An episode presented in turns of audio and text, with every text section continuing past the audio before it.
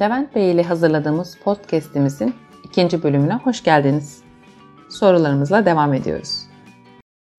Kitapta bir de güç, korku, saygı ilişkisi ya da ilişkisizliği artık ne derseniz anlatılıyor. Hiyerarşide daha üst seviyede yer alan bir kişiye güçlü olduğu için mi, korkudan mı, neden saygı duyulur ya da korkudan mı böyle davranılıyor, korku duyulduğu için mi o şekilde davranıyor kişiler yoksa saygı duyulduğu için mi o şekilde davranıyor? Nasıl ayırt edebiliriz? Kelimelerin her birimizdeki anlamları çok farklı. Herkes için aynı olacak ortak bir anlam bulmaksa imkansız olabilir. Çünkü her fikir gibi beyindeki bir sürü fikir birbirine bağlı. Daha önce yaşanmışlıklar, inançlar, arzuların şekillendirdiği karmaşık bir yapısı var. Ve bir anlamın iki farklı kişide tamamen yüzde yüz aynı şeyi ifade etmesi mümkün değil. Dolayısıyla korku ve saygıyı tam, tam olarak tanımlama çabasından ziyade ortaya çıktıklarında ne iş yaptıklarına bakmak belki daha faydalı olabilir. Çalışandaki duygunun saygı mı korku mu olduğu aslında çalışan için değil yönetici için daha çok önemli. Çünkü korku dediğimizde bu duygu hem ölüm hem de yaşam içgüdülerini tetikler. Ve bunlar tetiklendiği zaman ortada saygı, sevgi gibi hiçbir duygu kalmaz. Yani korku pencereden girdiğinde, korku kapıdan girdiğinde diğer bütün duygular pencereden kaçar. Dolayısıyla ben bir yöneticiysem eğer astım olan kişi benden korkuyorsa bir yönetici olarak bilmem gereken ilk şey şu. Onun beyni savunmadadır. Kesinlikle üretken modda çalışamaz. Üstüne yanlışı görse de söyleyemez. Doğru ile ilgili fikir üretemez. Bizi yanlış yapmaktan korumak için yeri geldiğinde eleştiren, işin daha doğru nasıl yapılması gerektiğini öneren ve bunları yaparken de kendisine zarar vermeyeceğimize güvenen astımızın bize saygı duyduğunu söylemek mümkün. Aslına bakarsanız bu ayrımı her yönetici yapabilir bir kişinin ona karşı davranışı saygı mı yoksa korku mu? Bunu diğer davranışlarıyla bütünleştir bütünleştirerek analiz edip karar verebilir. Ama bunun için tabii de dediğiniz gibi bunun farkında olup, o anın farkında olup üzerine düşünmesi lazım. Sizin kendinizden verdiğiniz bir örnek var burada. Üretim hattında çalışan bir arkadaşla aranızda geçen bir Hı. konu üzerinden. Kıvrılan Dediğiniz çocuk. gibi bu yani böyle anlık olarak durup düşünmek neden o davranışı yaptı? Saygıdan mı, korkudan mı? Ya da bu saygıysa, korkuysa hangisiyse benim bunu tetikleyecek davranışım neydi? Benden mi kaynaklanıyor, önceki deneyimlerinden mi gibi bir sürü aslında analizi yapacak farkındalığa sahip olması lazım. Tabii. Kitapta da görmüşsünüzdür. Yasa, yaşam enerjisi ekonomisi diye bir şey var, bölüm var. Sonuçta canlı organizmalar olduğumuz için bir enerji dengesi var ve bunu gözetmek zorundayız. Yani iş yerinde sürekli enerji kaybediyorsak bunu özel hayatta bir yerden karşılamak zorundayız. Ki yaşanan pek çok problemin sebebi de bu. İnsanlar kendini değerli hissetmek için değer üretmek zorundalar dedik. Ama değer üretemedikleri zaman ne yaparlar? Yaşamak için o enerjiye ihtiyacınız var. Olmazsa yaşayamazsınız. Dolayısıyla onu birbirlerinden alma yönlenirler hayatta kalmak için. Nasıl yapar? Şöyle yaparsınız. Diyelim mühendistiniz, çok çalıştınız, başarılı oldunuz, şef oldunuz. Altınıza 5-6 tane mavi yaka çalışan, belki de bir iki tane de mühendis verelim. Şimdi bu çalışanlardan birisiyle konuşurken o kitapta gördüğünüz örnekteki gibi son derece saygılı, el pençe divan önünüzde saygılı bir şekilde duran, hafifçe kafasına eğmiş bir vücut diliyle davranan birini gördünüz. Şimdi bunun saygı mı korku mu olduğu çok önemlidir. Çünkü o korktuğu için bize öyle davranıyorsa biz de o korkuyu kullanarak onu yönetiyoruz demektir.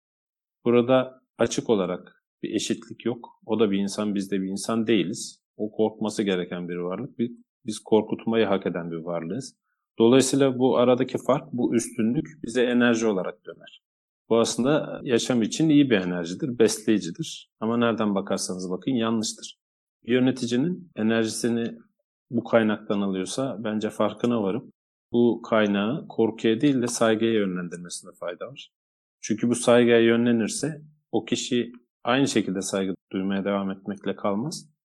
bütün rasyonel düşünme kapasitesini işine aktarabilir. Dolayısıyla sizin işiniz, sizin kariyeriniz onun sayesinde çok daha iyi olabilir. Peki saygının iş yerindeki tanımından ya da iş yerinde nasıl ve neye benzediğinden bahsediyoruz. Hı hı. İlkelerin da davranış olarak neye benzediğinin anlatılması, kurum içinde saygıyı herkesin aynı şekilde anlayabilmesi için ne yapmak lazım? Bu çok güzel bir soru. Teşekkür ederim.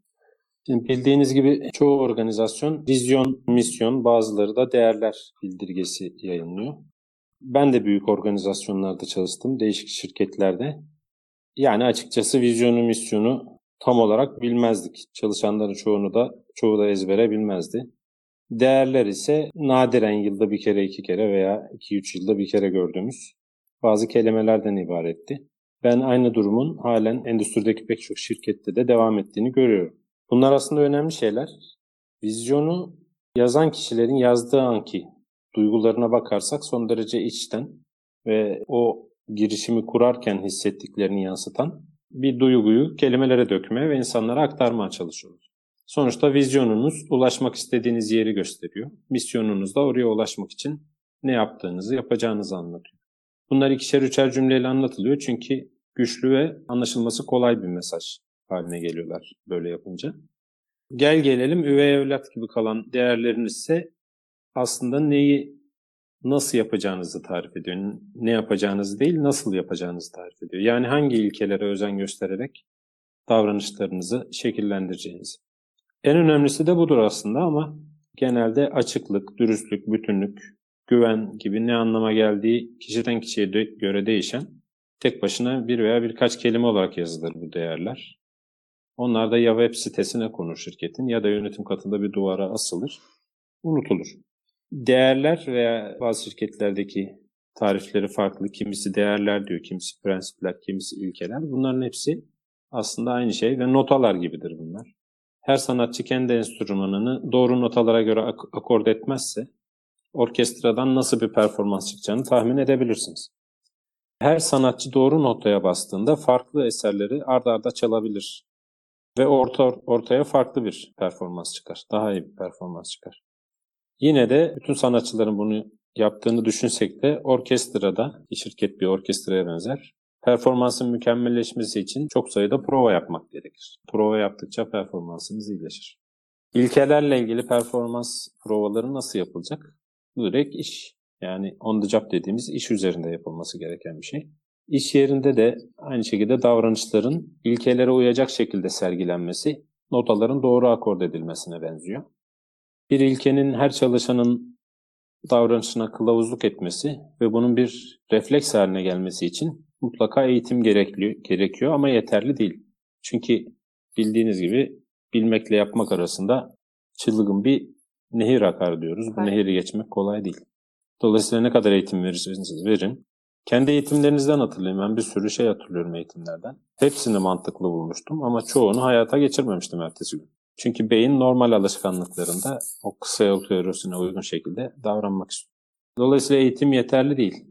Uygulama yapıp çıkan performansın yani davranışın da görülmesi lazım. Bu görülen davranışın ilkeye uygunluğunun gözlenmesi lazım ve bu gözlem sonucunda gereken ince ayarların yapılması gerekiyor. Şimdi aslında davranışları yani iş yerindeki bütün davranışları ilkelere göre nasıl değerlendireceğiz diye düşünebilirsiniz. Aslında bunun çok etkili bir yolu var ama nedense kullanılmıyor. Bunun adı yetkinlikler. Her şirketin yetkinlikleri var ama ne kadar çapta ve derinlikte kullandığı malum. Şimdi ilkelerin davranışlarda nasıl görünmesi gerektiğini arzuluyorsanız, yani bu ilkelere göre doğru davranış bu olmalı diyorsanız bunu yetkinliklere işlemeniz lazım. Sonra bu yetkinlikleri performans değerlendirmede kullanırsanız kişilere doğru geri bildirim vermiş olur. Doğruyu ödüllendirme şansınız olur. İnsanlar da verdiğiniz mesajı daha iyi anlarlar. Bunların hepsi doğru notayla yapılmış olur. Terfi ve işe alımlarda kullanabilirsiniz. Sizin ilkelerinizi ve doğru davranışlarınızı destekleyeceğine güvendiğiniz kişileri yükseltirsiniz. Buna uygun olmayan ve sürekli tersine giden kişilerle de yollara ayırmayı tercih edebilirsiniz. Böyle devam ederseniz zamanla kararlı devam eder, tutarlı olursanız davranışları yavaş yavaş ilkelere benzetmeye başlarsınız. Sadece bununla da kalmazsınız. İlkeler de güçlenmeye başlar. Yani ilkelere insanların duyduğu inanç kuvvetlenir. Sonuçta herkesin ilkeleri de olduğu gibi eğer ortak ilkeler üzerinde insanlar anlaşabilirse davranışları bu şekilde gelişeceğinden ve etkinlikler üzerinden takip edileceğinden yüksek performans kültürü de bu şekilde gelişir. Aslında mümkün ve kolaydır. Yeter ki basit tanımlansın ve uygulamada kararlı olunsun. Kurumsal hayatta çalıştığım bir firmada yapılmıştı buna benzer bir çalışma.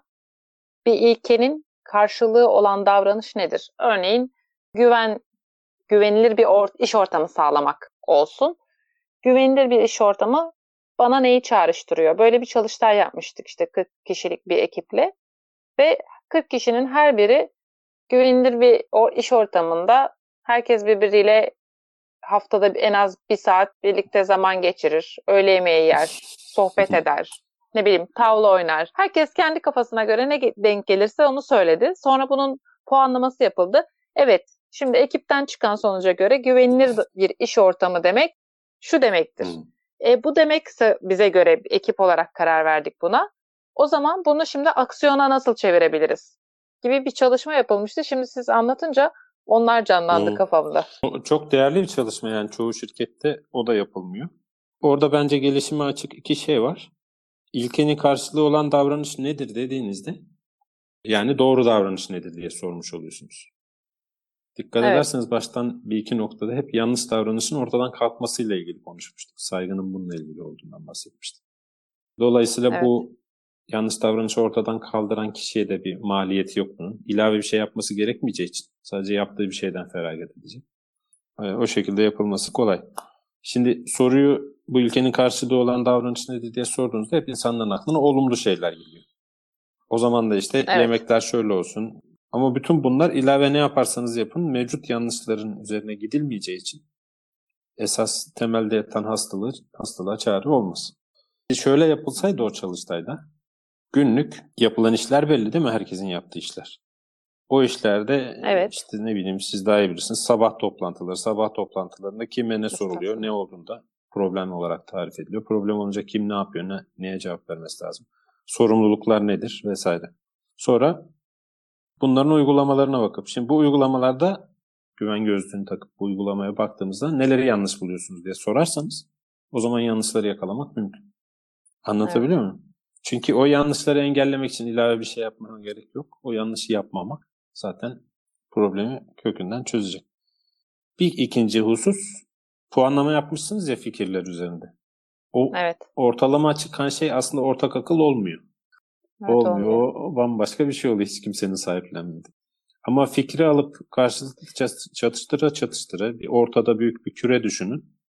Kitle aklı dediğimiz bir şey birleşik akıl ağlarında olduğu gibi. O küreyi işte 10 kişilik grup hep beraber tartışa tartışa bir tarafa ittirmeye çalışıyorlar. Küre en son noktaya geldiğinde herkesin eli üzerinde oluyor. Herkes içinden kabul etmiş oluyor. Ortak akıla böyle ulaşmak daha mümkün. Evet gerçekten inanarak içinde tabii, olarak. Tabii. Elleriniz sürekli üzerinde olacak. Hala ittirmek istiyorsanız ittirme şansınız var. Herkes elini çektiğinde dur, duran yer ortak akıl. Standart işten de bahsettiniz az önce. Herkesin yapacağı iş belli değil. Standartlaşma bir taraftan insan yaratıcılığını kısıtlıyor gibi görünüyor. Bir taraftan belli bir düzen getirdiği için insanın işini kolaylaştırıyor gibi. Sizin yine kitapta söylediğiniz şeylerden bir tanesi standartlaştırma bir düzen getirdiği için insanı sürekli iş üzerinde düşünme yükünden kurtarıyor ve düşünme kapasitesini serbest bırakıyor demişsiniz. Kesinlikle buna katılıyorum. Sürekli aynı rutinde bir işi yapıyorsanız ve bunun nasıl yapılması gerektiğini biliyorsanız ekstradan düşünmeye zaman harcamıyorsunuz. Pokeyoke hatasızlaştırma örnekleri vesaire de aslında evet. bunun bir çıktısı. Aynen. İşi standartlaştırırken neye dikkat etmek lazım? Ne tür işler standartlaştırılmalı? Şimdi standartlaşma çok önemli bir konu. Yani Kaizen mesela Kaizen'den çok bahsediliyor. Kaizen çok moda oldu şimdilerde. Halbuki Kaizen'e baktığımızda evet. herkesin anladığı anlamda iyileştirme. Kaizen mental süreçlerin iyileştirilmesini de gerektirdiği için sadece proses iyileştirme kapsamında kullanılıyor. O aslında eksik ve yetersiz bir tanım ama her halükarda Kaizen bir iyileştirmeyi tarif ediyor. Bir şeyi iyileştirebilmeniz için yani bastığınız yerden daha yukarı bir yere çıkmanız için bastığınız yerin sağlam olması lazım. Onun güvenilir olması lazım. İyileştirmeyi yaptıktan sonra da orayı sağlamlaştırıp onun üzerine iyileştirme yapmanız mümkün. Bu sağlamlaştırma işlemi de ancak standartlaştırmayla oluyor. Şimdi benim çoğu şirkette gördüğüm yeni iyileştirmeler üzerine ilave kaynak ve dikkat e, yoğunlaştırılıyor. Fakat eskiden yapılmış iyileştirmeler üzerine yeterli kontroller, standartlaştırma faaliyeti yapılmıyor. Dolayısıyla sonuç net. Şirketin karşılaştığı problemlerin analizi yaptığınızda belki yarıya yakını eskiden çıkmış tekrar eden problemler veya tam çözülmediği için başka problemleri tetiklemiş olan problemler olduğu ortaya çıkıyor. Dolayısıyla standartlaştırma her tür gelişim için olması gereken birinci şart. Standartlaştırma olmadan kaizen olmaz. Standartlaştırma çok geniş bir kavram. Kitapta görmüşsünüzdür. 20 sayfa kadar bir yer tutuyor. Genelde tekrar edilen işleri standartlaştırmak lazım diye bir görüş var. Ama ben bunu tam olarak katılmıyorum. Kitapta da belirttiğim gibi dünyada iki tür olay var. Bir tanesi olmasını istediğiniz olaylar. Bir tanesi de olabilecek olaylar. Şimdi olmasını istediğiniz olaylar aslında olabilecek olaylar evreninde çok çok çok küçük bir yer tutuyor. Olmasını istediklerinize normal diyelim, istemediklerinize de anormal diyelim. Şimdi bir işin yapılması esnasında anormallik veya anormallikler olma ihtimalini yüksek görüyorsanız, böyle bir ihtimal varsa, normal olayları sıralayıp standartlaştırarak işinizi anormalliklerden koruyabilirsiniz. Standartlaştırmanın bir amacı, bir özelliği bu. Bu standarda uyarak da daha önce yaşanmış problemlerin tekrarından ve tahmin edebileceğiniz risklerin oluşmasından da korunmanız mümkün. Şimdi standartları oluştururken nelere dikkat etmek lazım diye sormuştunuz. Bu çok önemli bir soru. Burada da insanın aklına hemen şöyle şeyler üşüşüyor. İşte kalite, iş güvenliği, denetimler, eğitim gibi bir sürü detaylar akıyor beynimizin içine. Ama bence önemli olan, asıl önemli olan bunlar değil. Tabii ki bunlar önemli ama işin özünü kaçırmamak lazım.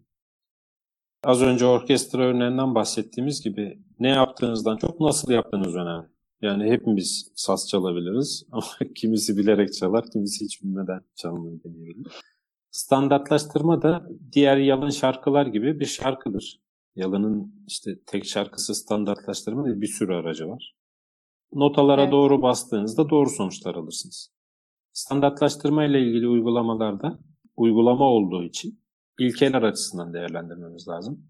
Mesela saygı açısından standartlaştırmayı değerlendirdiğinizde veya güven sizin için bir ilke ise e, güven böyle böyle bir şeydir. Tamam güven böyle bir şeyse bizim standartlaşma ile ilgili günlük işlerimiz içinde bunlar bunlar vardır. Bunlar doğru mudur yanlış mıdır diye bakabilirsiniz. Baktığınızda mutlaka pek çok şey bulursunuz. Yani güvene uygun olmayan standartlaştırma faaliyeti bir, bir de öyle bir standartlaştırma ile ilgili faaliyet yapıyorsunuz ki güven zedeliyor. Yani iki taraflı davranışın ilkeyi, ilkenin de davranışı iyiye veya kötü götür, kötüye götürmesinden bahsediyoruz. Mesela iş kazaları, çalışan bağlılığının düşmesi, aynı problemlerin tekrar tekrar ortalaması, şirkete para kaybettirmesi hep bu kural hatalarıyla yani ilke hatalarıyla ilgili şeyler. Evet. Bu az önce söylediğim standartlaştırma insanın yaratıcılığını kısıtlıyor Hı-hı. mu, düzen mi getiriyor, ne, nedir, ne değildir Hı-hı. diye bir şey var. Sizin düşünme kapasitesini serbest bıraktığını söylemişsiniz kitapta. Bir de söylediğiniz şeylerden bir tanesi aslında anormal işler olduğunda bizim en çok ihtiyaç duyduğumuz şey özgür Hı-hı. insan düşüncesi. Aslında onların yaratıcılığını kullanacakları bir nokta var. Evet anormallikler olduğunda nereye bakmaları gerektiği ya da ne yapmaları gerektiği de tanımlanmış oluyor. Ama anormal bir durum olduğunda örneğin müşteriden bir şikayet geldiğinde aslında nere, nelere bakılması gerektiği, ne yapılması gerektiği yine ihtiyaç duyduğumuz o insan düşüncesi, yaratıcılığı oluyor. Aynen. Diyelim ön cephede çalışan bir işçisiniz, operatörsünüz işinizi sürekli standartlaştırmaya çalışıyorsunuz. Böyle bir operatörden beklenen anormal bir durum olduğunda önce bunu anlamak. Nasıl anlayacak? Herkesin anlama kapasitesi farklı. Değer yargıları, erdemleri farklı. Şöyle algılayacak. Eğer standartınız son derece açık ve netse Bu iş standart yapılacaksa bu böyle olur, bu böyle olur, bu böyle olur. Sırasını, süresini, dikkat edeceği noktaları yazarsınız. Bunun dışında olacak her şey, yani bu küçük kürenin dışında kalan her şey anormaldir diye tarif edersiniz ve anormal bir durum gördüğünde durduracaksın, çağıracaksın ve bekleyeceksin. Yani standart işi yapan kişiden beklenen şey bu. Bunun şimdi bir ofis çalışanı evet. veya bir satış pazarlama şefi olduğunu düşünelim. Müşteriden şikayet geldiğinde ne yapacak? Daha önce bu şikayet gelmişse, şikayetin çözümüyle ilgili yapılan faaliyetler standartlaştırılmışsa bu standart üzerinden giderek bunu çözer zaten. Ama eğer o standartın içinde yoksa bu da şefimiz için anormal bir durumdur. Anormal bir durum olduğunda standartı kenara bırakıp bütün düşünce kapasitesini bunu çözmeye harcayabilir. Sonuçta bilinç dediğiniz şey beynimizin dış yüzeyindeki çok ince bir tabaka, prefrontal kortekste olduğu düşünülen çok ince bir tabaka. Aynı anda en fazla 4 tane veya 5 tane bilgiyi akılda tutabildiğimiz çok dar kapasiteli bir işleyen hafızamız var. Bütün anormal durumda diğer bütün işlerin kenara bırakıp bütün düşünce kapasitesini bu probleme yönlendirilmesi de bu açıdan çok önemli. Peki operasyonel mükemmellikte konulardan bir diğeri de liderlerin gelişimi. Yine kitapta gelişemeyenler geliştirmeyi de öğrenemezler demişsiniz. Liderler nasıl gelişmeli ki geliştirmeyi de öğrensinler? Şimdi önce istemeleri lazım herhalde. Gerçi bir insan gelişmeyi nasıl evet. istemez benim aklım onu hayal etmiyor ama gene de kendin mükemmel olduğunu ha, düşünüyorsa evet, narsizm diyorsunuz. Ama evet. narsistler mutlu olmuyorlar. Şöyle olabilirler. Sürekli diğerlerini ezerek kendilerini ondan onlardan üstün pozisyona getirip veya diğerlerini kendilerinden aşağı pozisyona getirip sonra bu farka bakarak o yaşam enerjilerini tedarik ediyorlar. Bunu görüyoruz. Evet. Ama ben normal çok aşırı istekleri olmayan, hayatta huzurlu yaşamayı tercih eden birisi kadar da huzurlu olabildiklerini düşünmüyorum. E, neresinden bakarsanız bakın akıl insana verilen en büyük nimetse, insanın en önemli varlığıysa ve kullandıkça aynen bir kas gibi gelişiyorsa Şimdi gelişmemiş bir akılın gördüğü dünyayla gelişmiş bir aklın gördüğü dünya hayata verdiği anlamda aynı olmaz. Olmadığını aslında herkes bilir. Ama dediğimiz gibi öğrenmeyi durdurup Kesinlikle. durdurmak insanların kendi tercihi. Şimdi her şey istekle başlıyor. Başarılı olmayı da herkes istiyor. Dolayısıyla istek zaten var. Herkeste var. O sadece canlanmayı, harekete geçmeyi bekliyor. Şimdi yönetim dediğimiz şey aslında bence gereksiz karmaşıklaştırılan bir konu sürekli yeni yönetim teorileri, uygulamalar, eğitimler vesaire bir sürü şeyler çıkıyor. İnsanların aklı karışıyor. Aslında bunların hiçbirine yanlış diyemeyiz. Hepsine de doğru diyebiliriz. Ama hepsinden bir parça alıp bir ortaya karışık bir pasta yapmak yerine bir tanesini alıp düzgün uygulamanın daha iyi sonuçlar getirebileceğini ben düşünüyorum. Çok da fazla karışık yönetim teorilerine girmeden bence bir yöneticinin anlaması gereken yani gelişim gelişim kapısını açabilmek için önce anlaması gereken bir iki konu olduğunu düşünüyorum. Bu temel gerçekleri anlamadan gelişebileceğine inanmıyorum açıkçası. Birincisi insanlara istemedikleri şeyleri zorla yaptırmanız mümkün değil. Yaptırabilirsiniz ama yaptırdığınız kısım onların içten gelerek coşkuyla yaptıkları kısım olmaz hiçbir zaman. İkincisi korkan adamın kafası çalışmaz. Yaptığı işten de hayır çıkmaz. Dolayısıyla birisi sizden korkuyorsa ondan ne kadar iş çıkabileceğini biliyor olmanız lazım. Üçüncüsü herkes değer üretmeye ve değerli hissetmeye programlandığı için insanların önünü açmanız yeterlidir. İnsanlar üretir, öğrenir, kendilerine değer katar ve bu iyiliğinizi asla unutmazlar. Ben şöyle şeyleri çok yaşadım ve çok da büyük haz duyuyorum. Mesela 15 yıl sonra, 20 yıl sonra birisi sizi arayıp sizden çok şey öğrendim dediği zaman aslında olayları bile hatırlamıyorsunuz ama en azından diyorum o kadar aklım varmış da Allah'tan öğrenmesine engel olacak şeyleri yapmamışım. ama bu bile duyulabilecek büyük hazlardan bence dünya. Başka bir şey daha gösteriyor. İnsanlar Kesinlikle. için öğrenmek ne kadar değerli bir şey. Yani parası, işin stresi, zorluğu ayrı yana insanları içten içe bence eriten orada vakit geçiriyor ama bir yandan da bir şey öğrenmiyor olmak. Yani öğrenmek istemeyenin kendini mükemmel, kamil gören insanlar ayrı. Bazı insanlar da sürekli öğrenmek, kendilerini geliştirmek istiyorlar. Ve öğrenemedikleri zaman büyük bir rahatsızlık duyuyorlar. İşte asıl bu insanların yönetici olduğunda nasıl davranacakları çok önemli.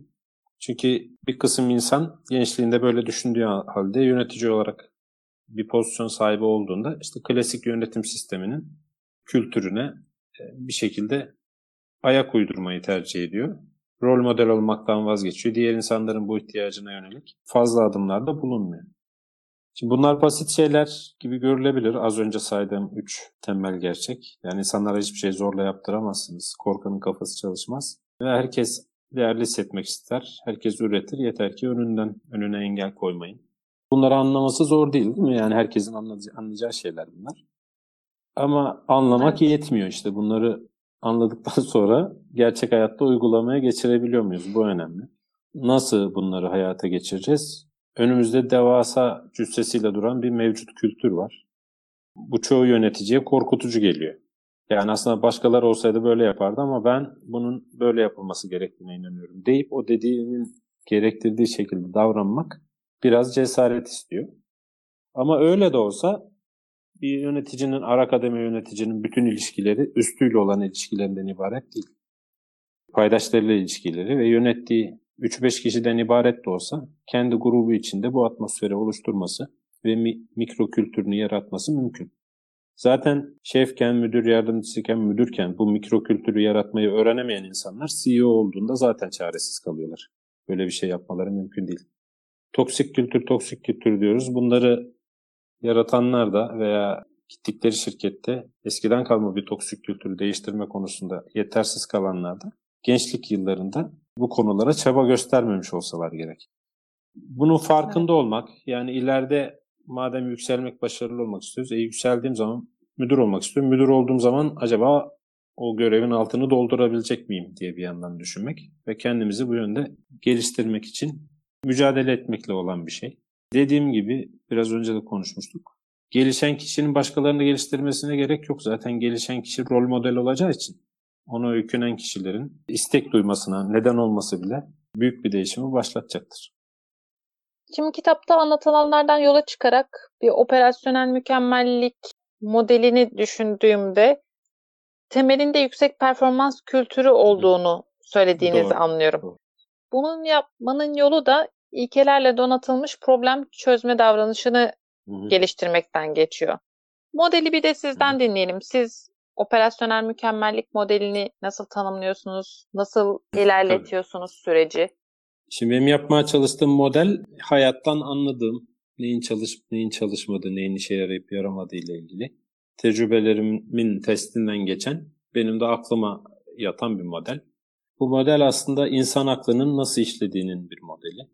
İnsanlar bir araya geldiğinde farklı farklı iş modeli kullanıyorlar. Pek çok çatışma, huzursuzluk ve düşük performans da bu kullandıkları farklı iş modellerinin akıllarına yatmamasından kaynaklanıyor bence. Yani tamam şimdi bunu böyle yapıyoruz, öyle yapmamız isteniyor ama neden şöyle yapmıyoruz veya neden öyle yapmamız lazım sorusu tam olarak tatmin olmuyor insanların akıllarında. Kitapta önce insan aklının işleyişini bu model üzerinden analiz edip daha sonra modelin iş yerinde uygulanmasının getireceği üstün sonuçları göstermeye çalıştım. Çünkü insan aklına uygun bir modelin iş yerinde de insan aklına yatma ihtimali daha yüksek olur diye düşündüm. Burada bir sihir yok. Bu modelde var olan pek çok model gibi sadece bir model. Gerçeğin kendisi değil, olamaz. Ama gerçeği anlamamıza ne kadar yardım ederse o kadar da işe yarayan bir modeldir diyebiliriz. Modelimizde sonuçlardan başlıyoruz. Sonuçlara performans dersek, performansın iki bileşkesi var. Sistemler ve davranışlar. Yani sistemler tabii ki yalın sistemler olması gerekiyor. Çünkü üretim benzeri işte eğitim, sağlık, bankacılık gibi tüm operasyonlarda yalın sistemler henüz rakibi bulunmamış, bence de bulunamayacak olan sistemler. Dolayısıyla yalın sistemlerin uygulanması gerekiyor. Ama yalın sistemleriniz ne kadar mükemmel de olsa, full dokümante de olsa, sahiplenme olmayınca içi dolmuyor ve e, istediğiniz sonuçları alamıyorsunuz.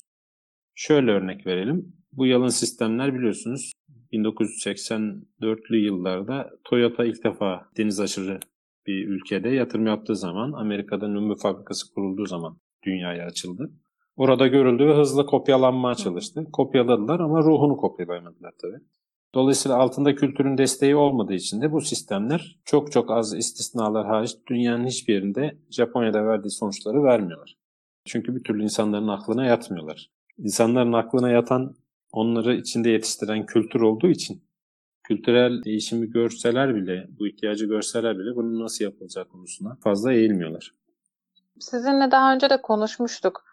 Toyota'da aslında bu sistemin çıkışına bakarsak her ne kadar onlar kendileri yalın demese de işte Toyota üretim sistemine baktığımızda çıkış noktası onların o dönemki ihtiyaçlarından yola çıkarak evet. bir şeyler yapılmış. Ve sonrasında da hep gelecek dönemde, bir sonraki dönemde neye ihtiyaçları olduğu sorgulanıp bu minvalde iyileştirmeler ya da geliştirmeler yapılmış sistemde.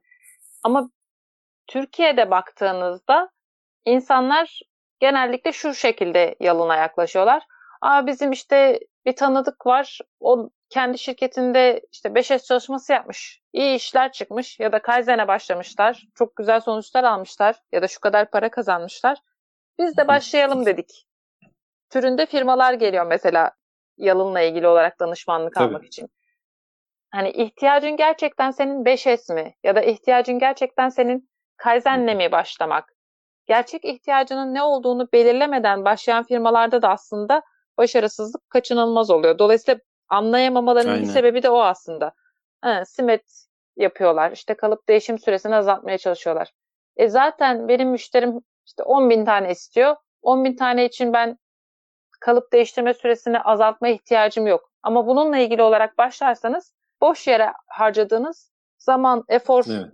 oluyor aslında. Toyota'da e, bunu bir enstrüman olarak görmek lazım. Toyota üretim sistemi. Daha sonra yalın olarak tercüme edilen şey aslında bir enstrüman. Şimdi bu nereden ortaya çıkmış diye baktığımızda evet.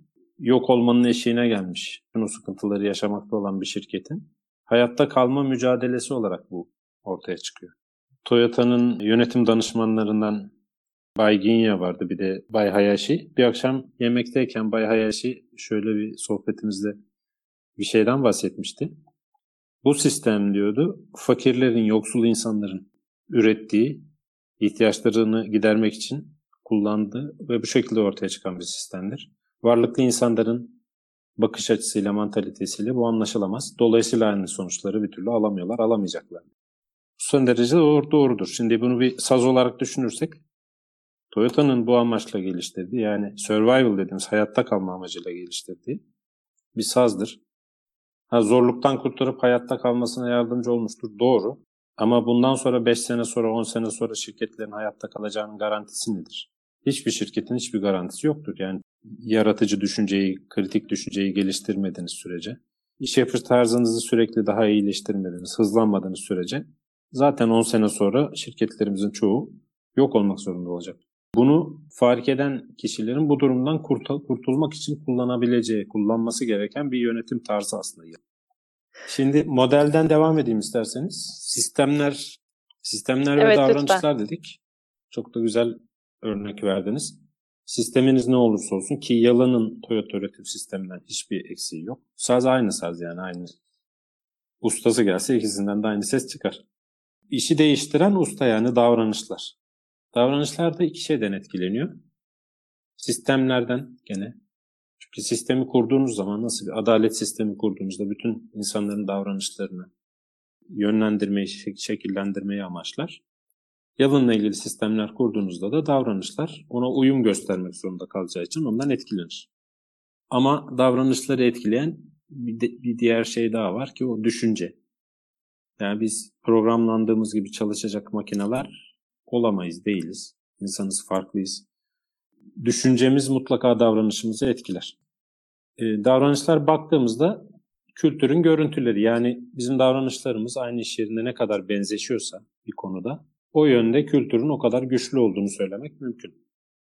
Yardımlaşma, takım çalışması, işbirliği temelli problem çözme gibi yetkinlikler yani uygulamalar hep davranışlarla ilgilidir ve hepsi de birbirinden önemlidir.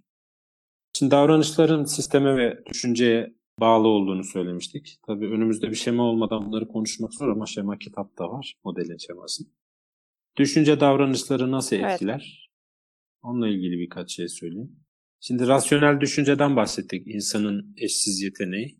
Ama bu yeteneğin de pek çok etken altında çalıştığını bilmemiz lazım. Düşünce hatalarımız var, sistematik yaptığımız. bilişsel yüklemeler var, duygular, inançlar. Bunların hepsi bir zihnin üzerinde o çalışırken sürekli etkide bulunurlar.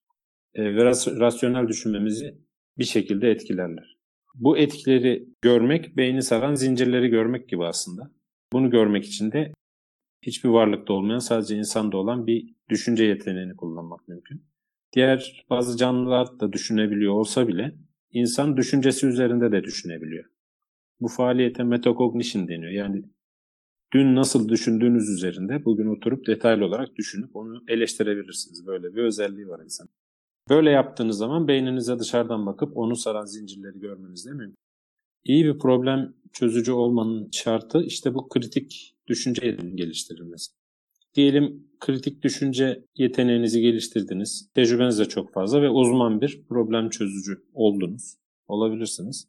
Ama bu yeter mi? Yetmez. Çünkü günümüzde iş yerlerinin problemleri gitgide karmaşık hızlı çözülmesi gereken bir hale geliyor. Grup çalışması, takım çalışması yapmadan, dayanışmadan, güven saygı olmadan ve hızlı davranmadan artık ayakta kalamayacak şirketler maalesef. Bireysel problem çözme yetenekleri son derece gelişmiş. Diyelim 10 kişiyi bir araya getirip iyi bir takım kurabilir misiniz? Bence kuramazsınız. Çünkü işbirliğine dayalı problem çözmeyi bilmedikleri sürece şirketi de gelecekteki zor durumlardan kurtaramayacaklardır. Konu biraz derin. Yani baktığınızda bizim bütün eğitim sistemimiz, bütün dünyada olduğu gibi bireysel problem çözme yeteneklerini geliştirmek üzere. 10 tane bireysel problem çözümü uzmanını bir araya getirdiğinizde orada kolektif bir iş çıkması biraz zor. Dolayısıyla bireysel problem çözmeye aslında ne kadar çok yatırım yaparsanız işbirliğinin tohumlarını da bir o kadar öldürme riskiniz var. Biz mesela kendi firmamızda Lean OPEX olarak işbirliğine pro- dayalı problem çözme çalıştayları düzenliyoruz. Bu konuda kültürel gelişime yardımcı olmayı amaçlıyoruz.